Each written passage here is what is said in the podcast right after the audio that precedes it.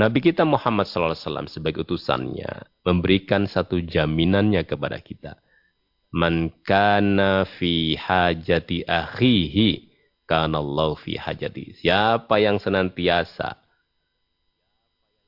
memperhatikan senantiasa memberikan satu atensi untuk menolong saudaranya, maka Allah akan senantiasa juga memberikan pertolongan akan kebutuhannya.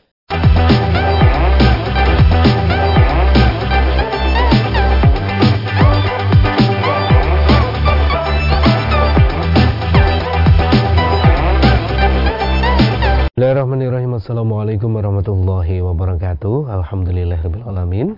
Puji syukur senantiasa kita panjatkan kehadirat Allah Subhanahu wa taala atas nikmat yang Allah berikan kepada kita semuanya. Sehingga di pagi hari ini kembali kita dapat berjumpa dalam program Fajar Hidayah. Saya Ahmad Fauzan menemani Anda dan kita sudah terhubung dengan Ustaz Suprapto dari Pondok Pesantren MTA. Langsung saja kita sapa beliau. Assalamualaikum warahmatullahi wabarakatuh Ustaz. Waalaikumsalam warahmatullahi wabarakatuh. Ya. Apa kabar hari ini? Sehat Ustaz? Baik, Alhamdulillah. Alhamdulillah, Alamin. Pemirsa, mudah-mudahan Anda pun juga dalam keadaan sehat walafiat, tidak kurang suatu apa pun. Dan mari kita awali pagi hari ini dengan kita mendengarkan tausiah dari Ustadz Suprapto.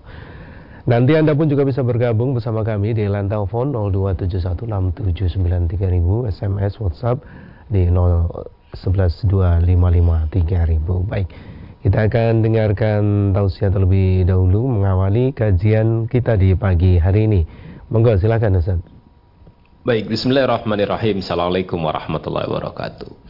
Alhamdulillahi rabbil alamin. Asyhadu an la ilaha illallah wa asyhadu anna Muhammadan abdu rasuluh. Allahumma salli ala Muhammad wa ala alihi wa ashabihi ajma'in ma ba'd. Qala ta'ala fi kitabil aziz a'udzu billahi minasyaitonir rajim bismillahirrahmanirrahim ya ayyuhallazina amanu taqullaha wal tanzur nafsum ma qaddamat lighad wattaqullaha innallaha khabirum bima ta'malun wa qala Rasulullah wasallam fi hadisihi al muslimu akhul muslim la yadlimuhu wa la yuslimuhu. Bapak, Ibu, Saudara semuanya yang berbahagia, kita bersyukur kepada Allah di pagi hari ini, di hari Jumat ini, kita bisa bertemu kembali untuk sama-sama kita mengingat apa yang sudah kita dapat di kajian-kajian kita, yang sudah kita dapat dalam kita mengaji agama. Karena kita harus merasa yakin bahwa peringatan-peringatan yang senantiasa disampaikan oleh ustadz-ustadz kita kepada kita ini di waktu-waktu yang tidak terlalu lama. Karena kalau kita hitung per pekan yang resmi kita bisa gabung bisa dua sampai tiga kali mendengarkan Al-Quran dibacakan kepada kita, hadis-hadis dibacakan kepada kita. Itu semuanya bermanfaat bagi kita sebagai orang beriman.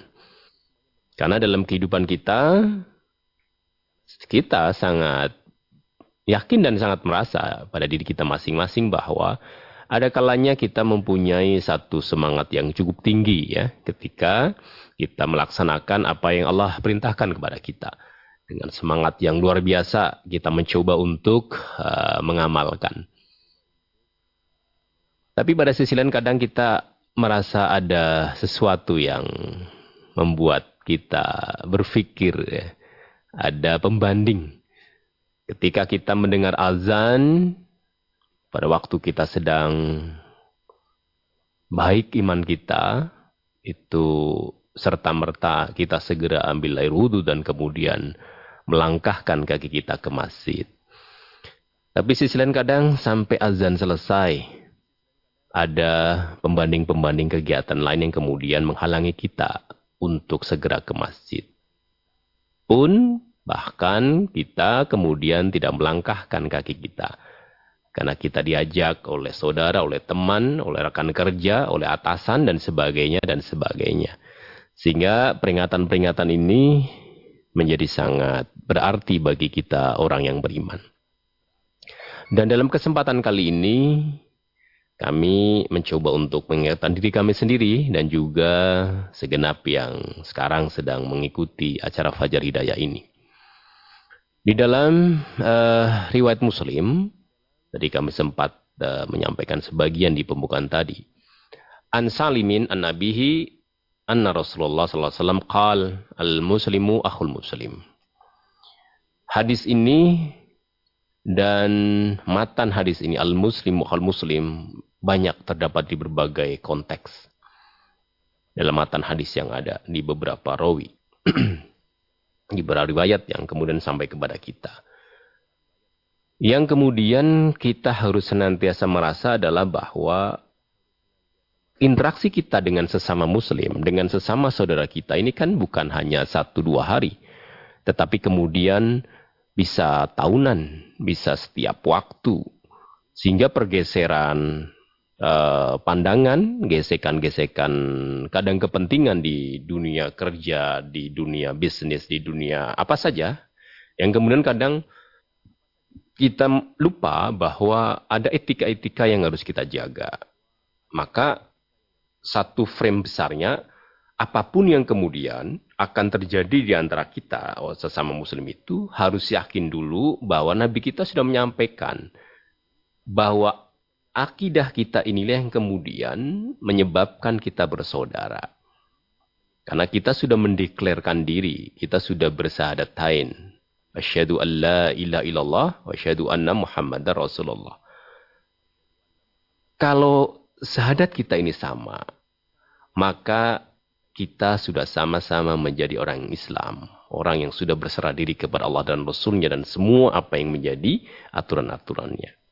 Maka satu dengan yang lain ketika sudah bersahadat itu sama sebagai satu keluarga, satu saudara, satu e, nafas, satu tubuh yang kemudian tidak akan bisa kita memisahkan satu sama lain. Maka kemudian setelahnya apa pun yang kemudian terjadi itu bagian dari menyokong ini. Menyokong bahwa kita sesama orang yang sudah bersadat ini adalah satu saudara. Maka di hadis e, selanjutnya di matan ini disebutkan bahwa la yadlimuhu wa yuslimuhu.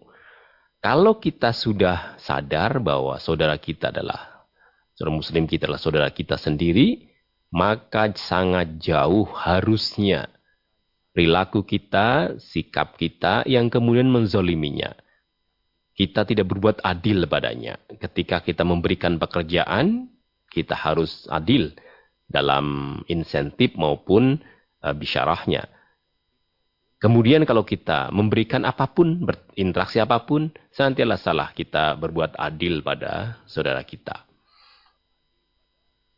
Dan kita tidak akan membiarkan wala yuslimuhu. Kita tidak akan membiarkan saudara kita itu dalam kesusahannya, dalam problemnya, dalam permasalahan hidupnya. Kita akan senantiasa mempunyai satu pandangan ketika saudara kita sedang dalam kesusahan, kita mesti pengen bagaimana kita bisa berkontribusi untuk meringankan bebannya. Maka di, di eh, lanjutan hadis man kana man kana fi hajati akhihi kana Allah fi hajatihi. Ini satu hal yang kemudian betul-betul menjadi catatan besar dalam hati kita, dalam pikiran kita. Nabi kita Muhammad SAW sebagai utusannya memberikan satu jaminannya kepada kita. Man kana fi hajati akhihi kana Allah fi hajati. Siapa yang senantiasa memperhatikan senantiasa memberikan satu atensi untuk menolong saudaranya, maka Allah akan senantiasa juga memberikan pertolongan akan kebutuhannya. Ada timbal balik yang kemudian kalau kita menjaminkan diri kita bahwa saudara kita jangan sampai kekurangan dalam hal yang haja yang primer ini, maka Allah juga akan menjamin. Ini satu satu hal yang kemudian luar biasa adalah ketika kita hubungan dengan manusia sebagai saudara kita muslim ini, saya senantiasa memperhatikan kebutuhan-kebutuhan saudara kita. Allah yang kemudian turun tangan untuk memenuhi kebutuhan kita. satu derajat yang harus senantiasa kita ambil, satu posisi yang harus senantiasa kita punya cita-cita untuk mendapatkan ini. Dan di majelis kita, itu luar biasanya adalah bahwa hajah saudara-saudara kita itu dikelola oleh majelis sehingga kita ketika menolong saudara kita itu tidak tampak ya. Ada satu bentuk kemudian e, menjaga privasi, menjaga kehormatannya. Walaupun kita misalnya dalam interaksi dengan saudara kita muslim, tetangga kita dan sebagainya bisa saja langsung kita juga bisa memberikan itu. Yang jelas kan kita harus menjaga hati kita jangan sampai ada rasa kesombongan, rasa hal yang kemudian kita mampu memberikan apa yang jadi hajatnya.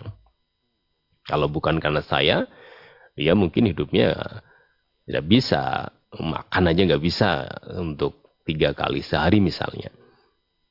Maka selenan, eh, selama kita bisa mengatur ya irama hati kita untuk senantiasa apa pun yang kita kerjakan pada hakikatnya adalah untuk memohon ridho Allah karena Rasul yang memberikan satu satu pernyataan ini nah, maka mudah-mudahan terhadap yang langsung diberikan dan sebagainya itu tidak mengapa. Tetapi kemudian ketika kita memberikan donasi kita untuk infak kita yang kemudian dikelola oleh majelis, oleh lembaga-lembaga yang memang concern di dakwah ini, itu akan lebih nyaman. Sehingga kita berinteraksi tidak terasa gitu. Bahwa beliau-beliau dalam dalam jaminan saya untuk kehidupan atau untuk kebutuhan-kebutuhan primernya. Kemudian berikutnya waman farroja an muslimin kurbatan farrojallahu anhu biha kurbatan imin kurobil yaumil kiamah. Dan barang siapa yang kemudian meringankan satu kesusahan orang muslim, Allah akan meringankan satu kesusahan dari kesusahan-kesusahannya di hari kiamat. Tadi di awal juga kami sampaikan bahwa wal tangzur nafsum qaddamat kita sudah yakin secara sam'iyat hal yang khaibiyah ini ada. Bahwa besok ketika di mahsyar ada satu perhitungan, ada satu mizan yang kemudian keadilan Allah menjadi mutlak adanya. Semua manusia akan diadili, akan ditimbang, akan diproses sehingga tidak ada yang keluar dari keadilan Allah. Maka ada bentuk kesusahan kita besok di hari kiamat. Kita agak galau apakah kemudian kita bisa meniti mizan ini dan sampai kemudian kita tertimbang, terpotret, ternilai baik sehingga kita bisa Allah angkat derajat kita masuk ke dalam surganya atau tidak. Allah akan memberikan keringanan itu. Manakala kita di dunia ini juga meringankan saudara kita, meringankan kebutuhan-kebutuhan saudara kita. Waman farrojaan muslimin kurbatan farrojallahu biha kurbatan min kurobi yaumil qiyamah. Allah akan juga meringankan kesusahan kita di kesusahan-kesusahan di akhirat. Atau besok di mahsyar, besok di hari uh, pembalasan. Kemudian di akhir hadis disebutkan waman satara musliman satarahullahu yaumal qiyamah. Dan memang perang siapa menutup aib saudaranya, maka Allah juga akan menutup aibnya di hari kiamat. Bapak Ibu, saudara semuanya, saudari, siapa yang menjamin dirinya tanpa aib? Siapa nira kita manusia yang bisa mendeklar bahwa kita adalah orang yang tanpa celah, tanpa ada aib, tanpa ada pernah kemaksiatan dosa yang kita kerjakan. Karena setiap manusia sudah fitrahnya dalam perjalanannya karena kita punya nafsu mesti ada kalanya kita tergelincir, terpleset. Karena kulu bani Adam khotoun. Setiap manusia dari bani Adam ini mesti punya kesalahan.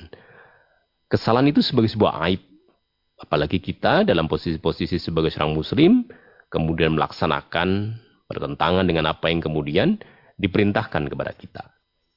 Pada saat itulah kemudian aib itu akan bisa diketahui orang. orang yang kemudian melihat aib kita. Apalagi sekarang dunia sekarang ya, dunia yang sangat luar biasa eh, cepat perkembangan dalam berita karena adanya internet dan sebagainya. Aib saudara kita terpotret oleh kita, kemudian kita mengupload. Ini hal yang kemudian harus betul-betul kita hindari. Kalau dahulu pernah kami singgung ketika hadis Ifki, bagaimana kemudian Ummul Mukminin Aisyah radhiyallahu anha dikabarkan punya affair dengan Sofwan seluruh penduduk Madinah sampai Nabi kita Muhammad SAW itu terprovokasi dengan berita ini. Proses yang luar biasa.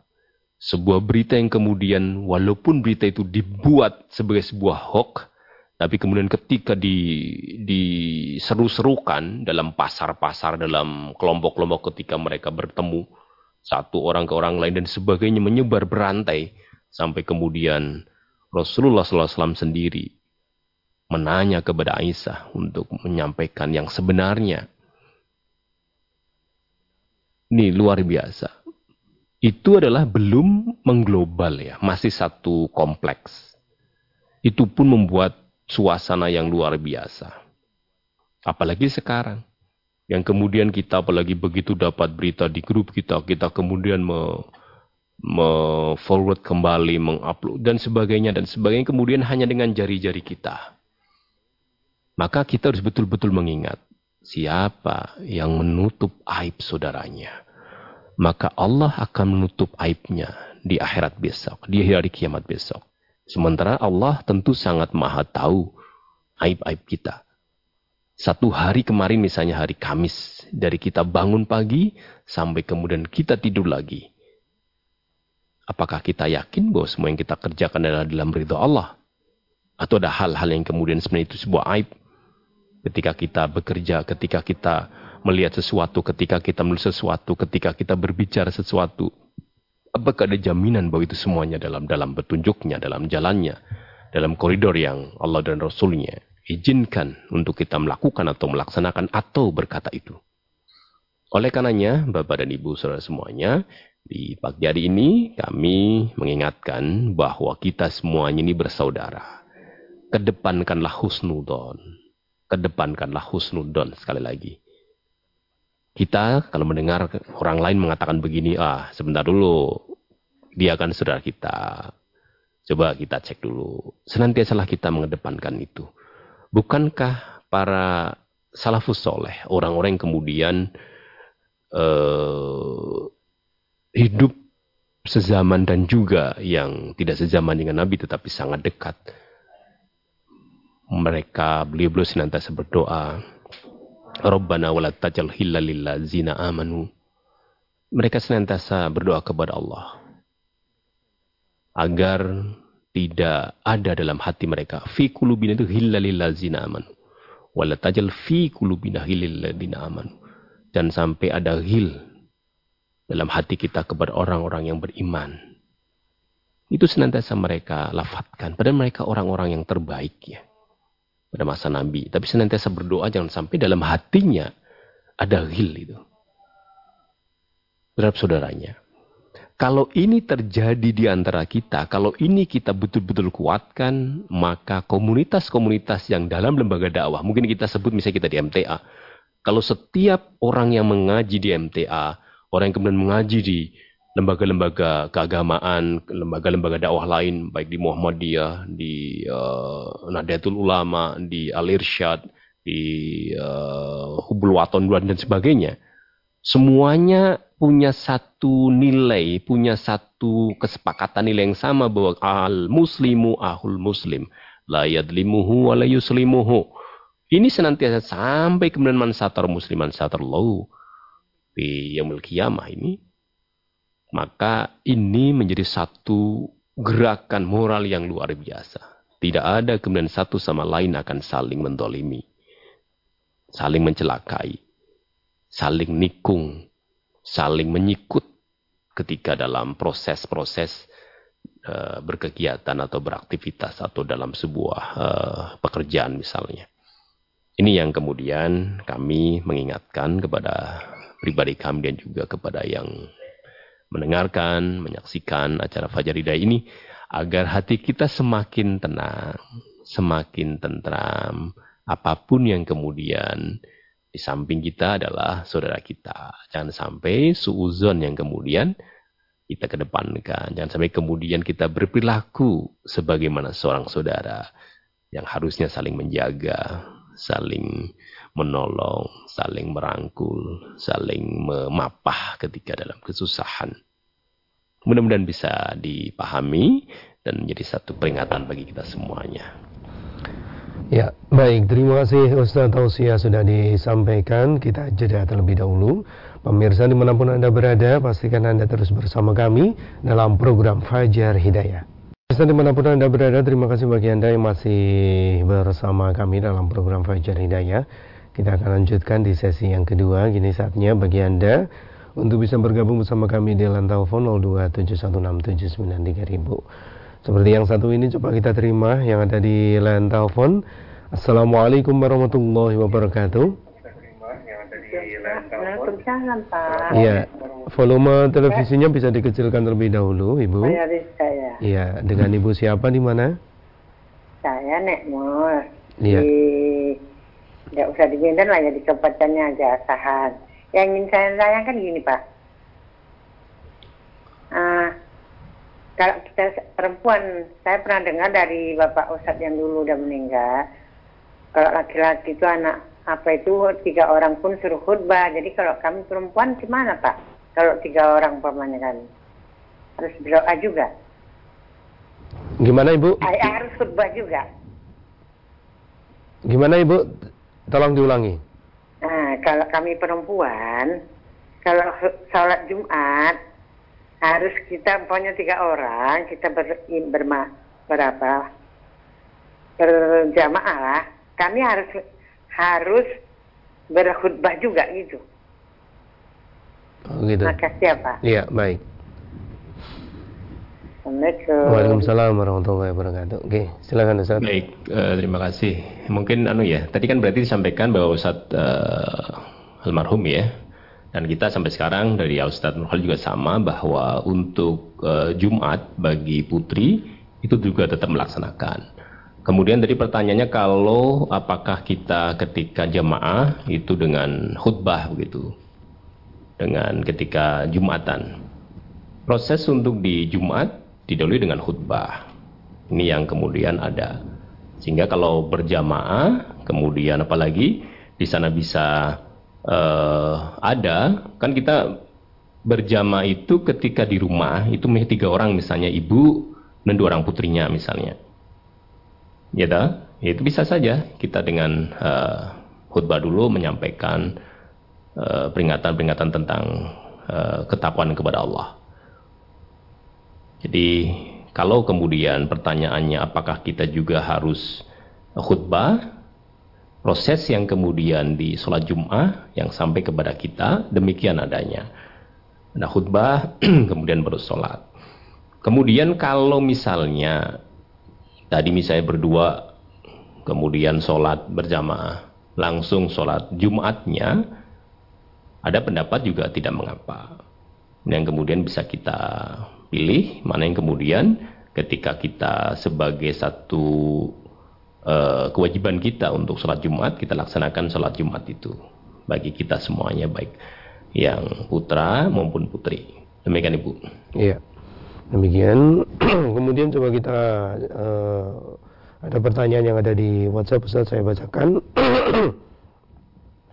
Saya pernah bertanya pada penjual ayam panggang yang lewat di rumah saya, Mbak ini ayamnya halal atau yang menyembelih orang Islam? Jawab si penjual, iya Mbak halal. Nanti kalau yang menyembelih bukan orang Islam tidak halal. Apakah jawaban itu sudah bisa menjamin ayam itu halal Ustadz? Walaupun waktu bertanya tidak saya perjelas bahwa orang Islam harus sholat. Dari Ibu Tri yang ada di Kuto Arjo. Baik, insya Allah halal ibu. Jadi kita berhusnudon kepada saudara-saudara kita ya. Kalau kita misalnya tanya dulu pernah kami sampaikan juga. Di zaman sekarang itu kita bertanya, Bu, ini untuk yang nyembelih orang Islam Ji, itu sudah terbiasa. Dulu 4-5 tahun yang lalu, atau mungkin 7 ya, 10, itu kan kita dimarahi. Seakan-akan nggak percaya kan tentang agama saya kira-kira begitu.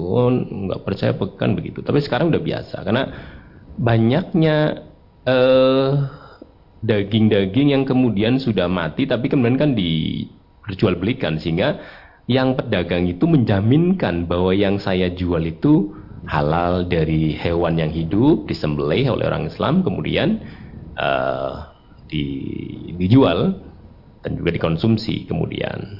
Itu sekarang makanya nggak biasa aja gitu. Ketika ditanya Insya Allah halal bu ini yang menjual juga ini yang beli eh, yang nyembelih Islam. Walaupun ibu tapi Islamnya sholat ya. Itu tentu kita tidak perlu sampai mendetailkan begitu dan insya Allah yang dimaknai Islam tentu dia sholat. Jadi ini yang kemudian uh, kita kedepankan husnul kita kepada saudara-saudara kita. Ya apalagi kemudian oh ini yang anu bu yang yang nyembelih yang ngaji di sana yang ngaji di sini wah. apalagi ini yang nyembelih orang MTA padahal dia nggak tahu kalau kita orang MTA misalnya ya. Sehingga kita lebih yakin lagi. Maka eh, kita kalau sudah bertanya dan dijawab halal insya Allah kita husnudan bahwa itu sudah halal demikian ibu. Kemudian berikutnya masih di WhatsApp coba kita bacakan. Uh, Ustadz apa betul doa witir itu? Subhana malikil kudus tiga kali. Uh, terus itu artinya apa Ustaz jika hadis riwayat siapa? Mohon dijelaskan. Baik, jadi dalam brosur kita ya, brosur-brosur kita yang setiap tahun itu di apa, dibrosurkan terkait dengan sholat taraweh ya. Itu kan tiap, tiap tahun mesti ada sebelum sebelum puasa.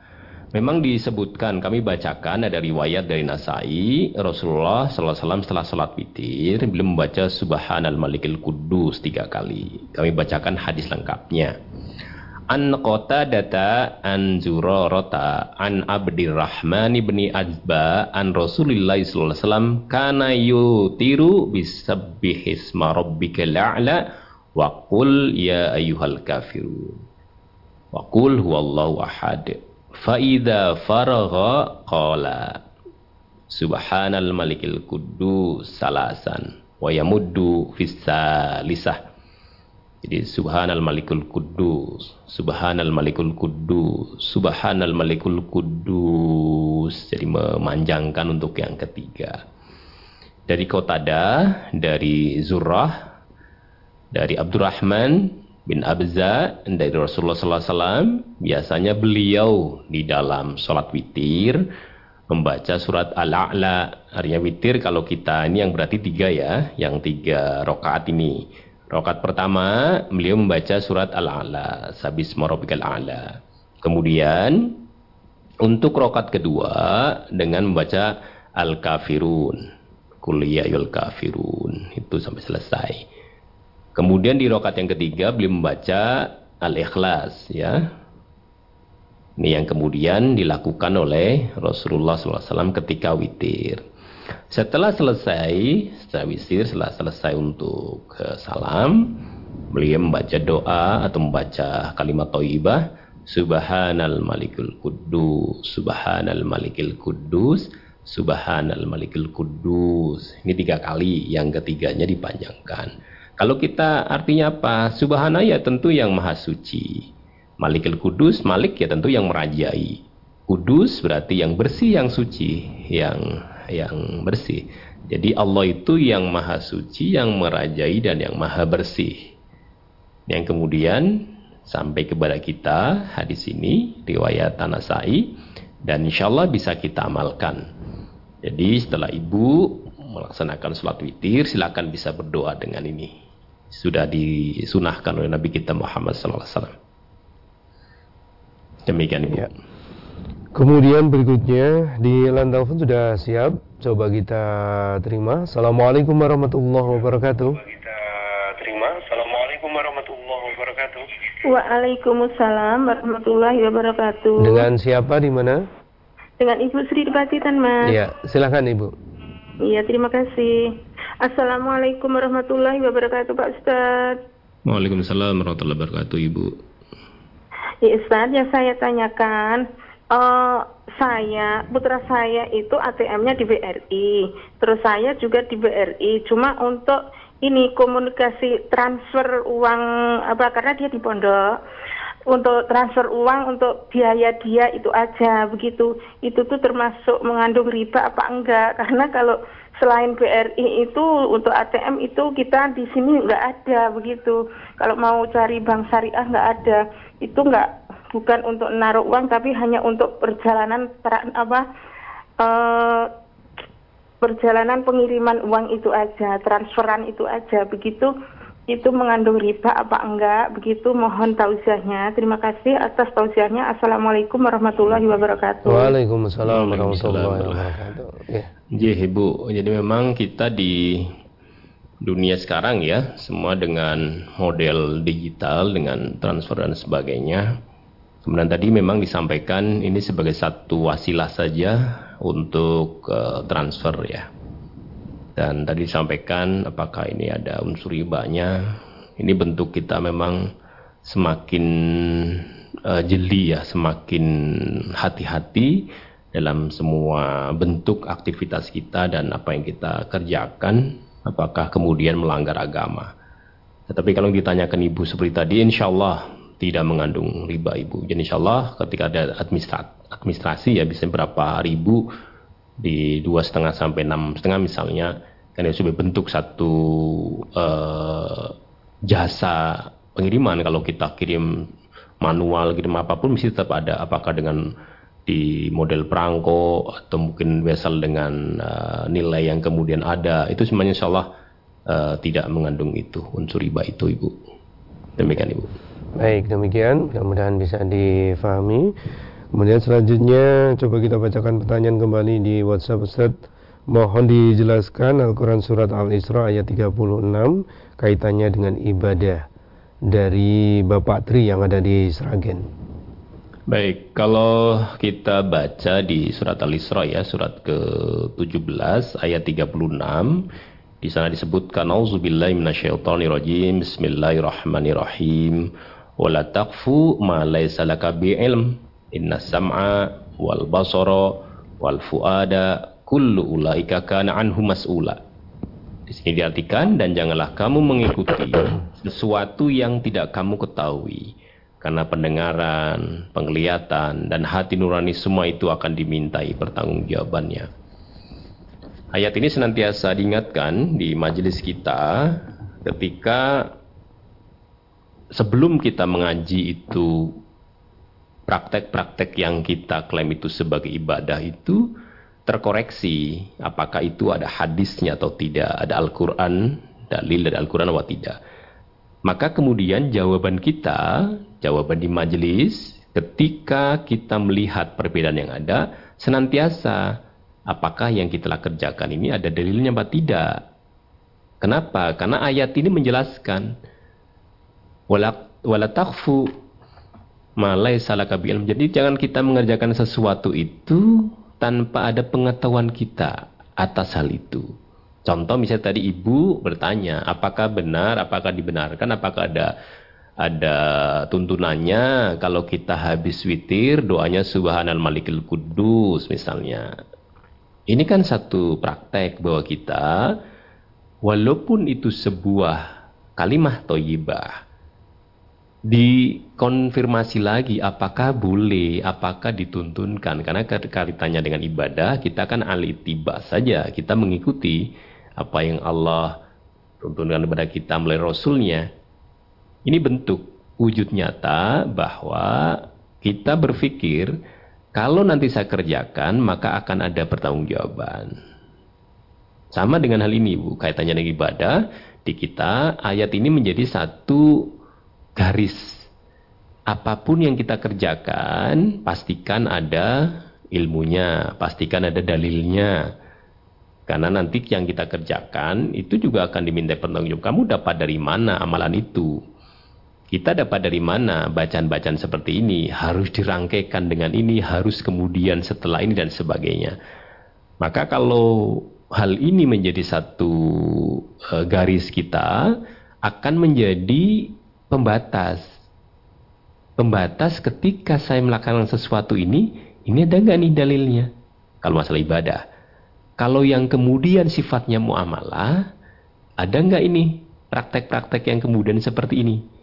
Nah demikian. Sehingga kalau kita kemudian senantiasa menggaris bahwa apa pun yang kita kerjakan harus ada pengetahuan tentang itu. Apakah agama memberikan kebolehan, apakah agama memberikan tuntunannya, syariatnya, atau agama melarangnya, itu karena pada hakikatnya apa pun nanti yang kita kerjakan itu akan diminta pertanggungjawaban. Kalau kita mengklaim ibadah, apakah itu ada dari Allah dan Rasulnya? Kalau kita mengklaim ini boleh, tidak boleh, betul, itu tidak ada larangannya misalnya. Nah ini yang kemudian uh, kita Bapak uh, yang bertanya ya, kita harus betul-betul merasakan bahwa ketika kullu ulaika kana anhu mas'ula ini menjadi satu hal yang betul-betul kita harus teliti. Teliti jangan sampai nanti kita terjebak. Kita mengklaim ini sebuah ibadah tapi ternyata kemudian tidak ada tuntunannya. Dan kalau tidak tuntunannya kan roddun.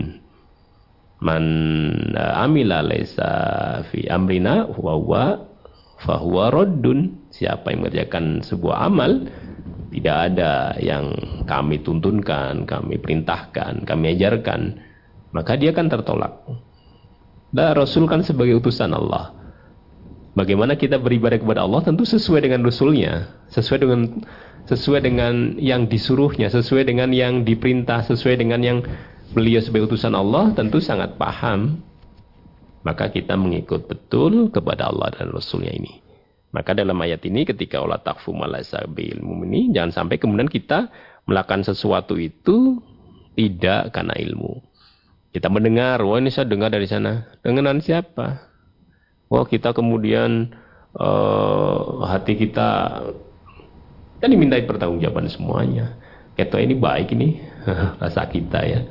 Tapi kemudian ternyata tidak boleh. Ini yang bisa kami sampaikan. Jadi secara singkat, ayat ini menjadi garis kita apa pun yang kemudian kita kerjakan, apalagi dalam hal-hal sifatnya agama, ibadah ini harus betul-betul clear. Ada tuntunannya apa tidak dari Allah dan Rasulnya. Demikian. Ya. Baik, kita sudah berada di akhir perjumpaan kita pagi hari ini, Ustadz. Sebelum kita akhiri, mungkin bisa disampaikan penutupnya. Monggo silakan.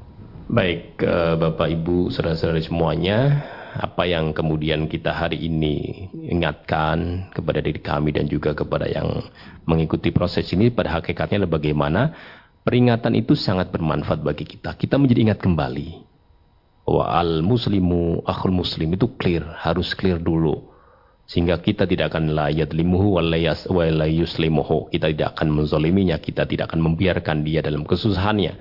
Kemudian kita senantiasa akan mendedikasikan diri kita melihat saudara-saudari kita ini. Kenapa? Karena man kana fi hajati ahihi kana Allahu fi hajatihi. Ini harus betul-betul menjadi satu cita-cita kita. Allah akan menjamin kebutuhan kita. Kalau kita juga senantiasa memperhatikan kebutuhan saudara kita. Kita juga ingat bahwa ketika kita meringankan kesusahan saudara kita, Allah juga akan meringankan kesusahan kita di kesusahan-kesusahan besok di akhirat. Wa man muslimin kurbatan farajallahu anhu biha kurbatan min kurabi yaumil qiyamah. Dan yang akhir, suasana kita di hari ini dengan jadjat yang luar biasa, dengan hal-hal yang kita bisa melihat interaksi antar kita sangat mudah untuk terakses. Jangan sampai jari jemari kita, lisan kita sangat mudah mengumbar aib saudara kita. Kita punya kompetensi apa ketika kita mendengar aib orang lain sampai kepada kita. Kalau kita tidak punya, sudah kita harus senantiasa melepaskan diri dari itu. Karena semuanya juga akan dimintai pertanggungjawaban. Maka di akhir hadis yang kemudian kami sampaikan di awal yang diriwayatkan oleh Muslim ini, "Waman sataro musliman satarahullahu yaumal qiyamah."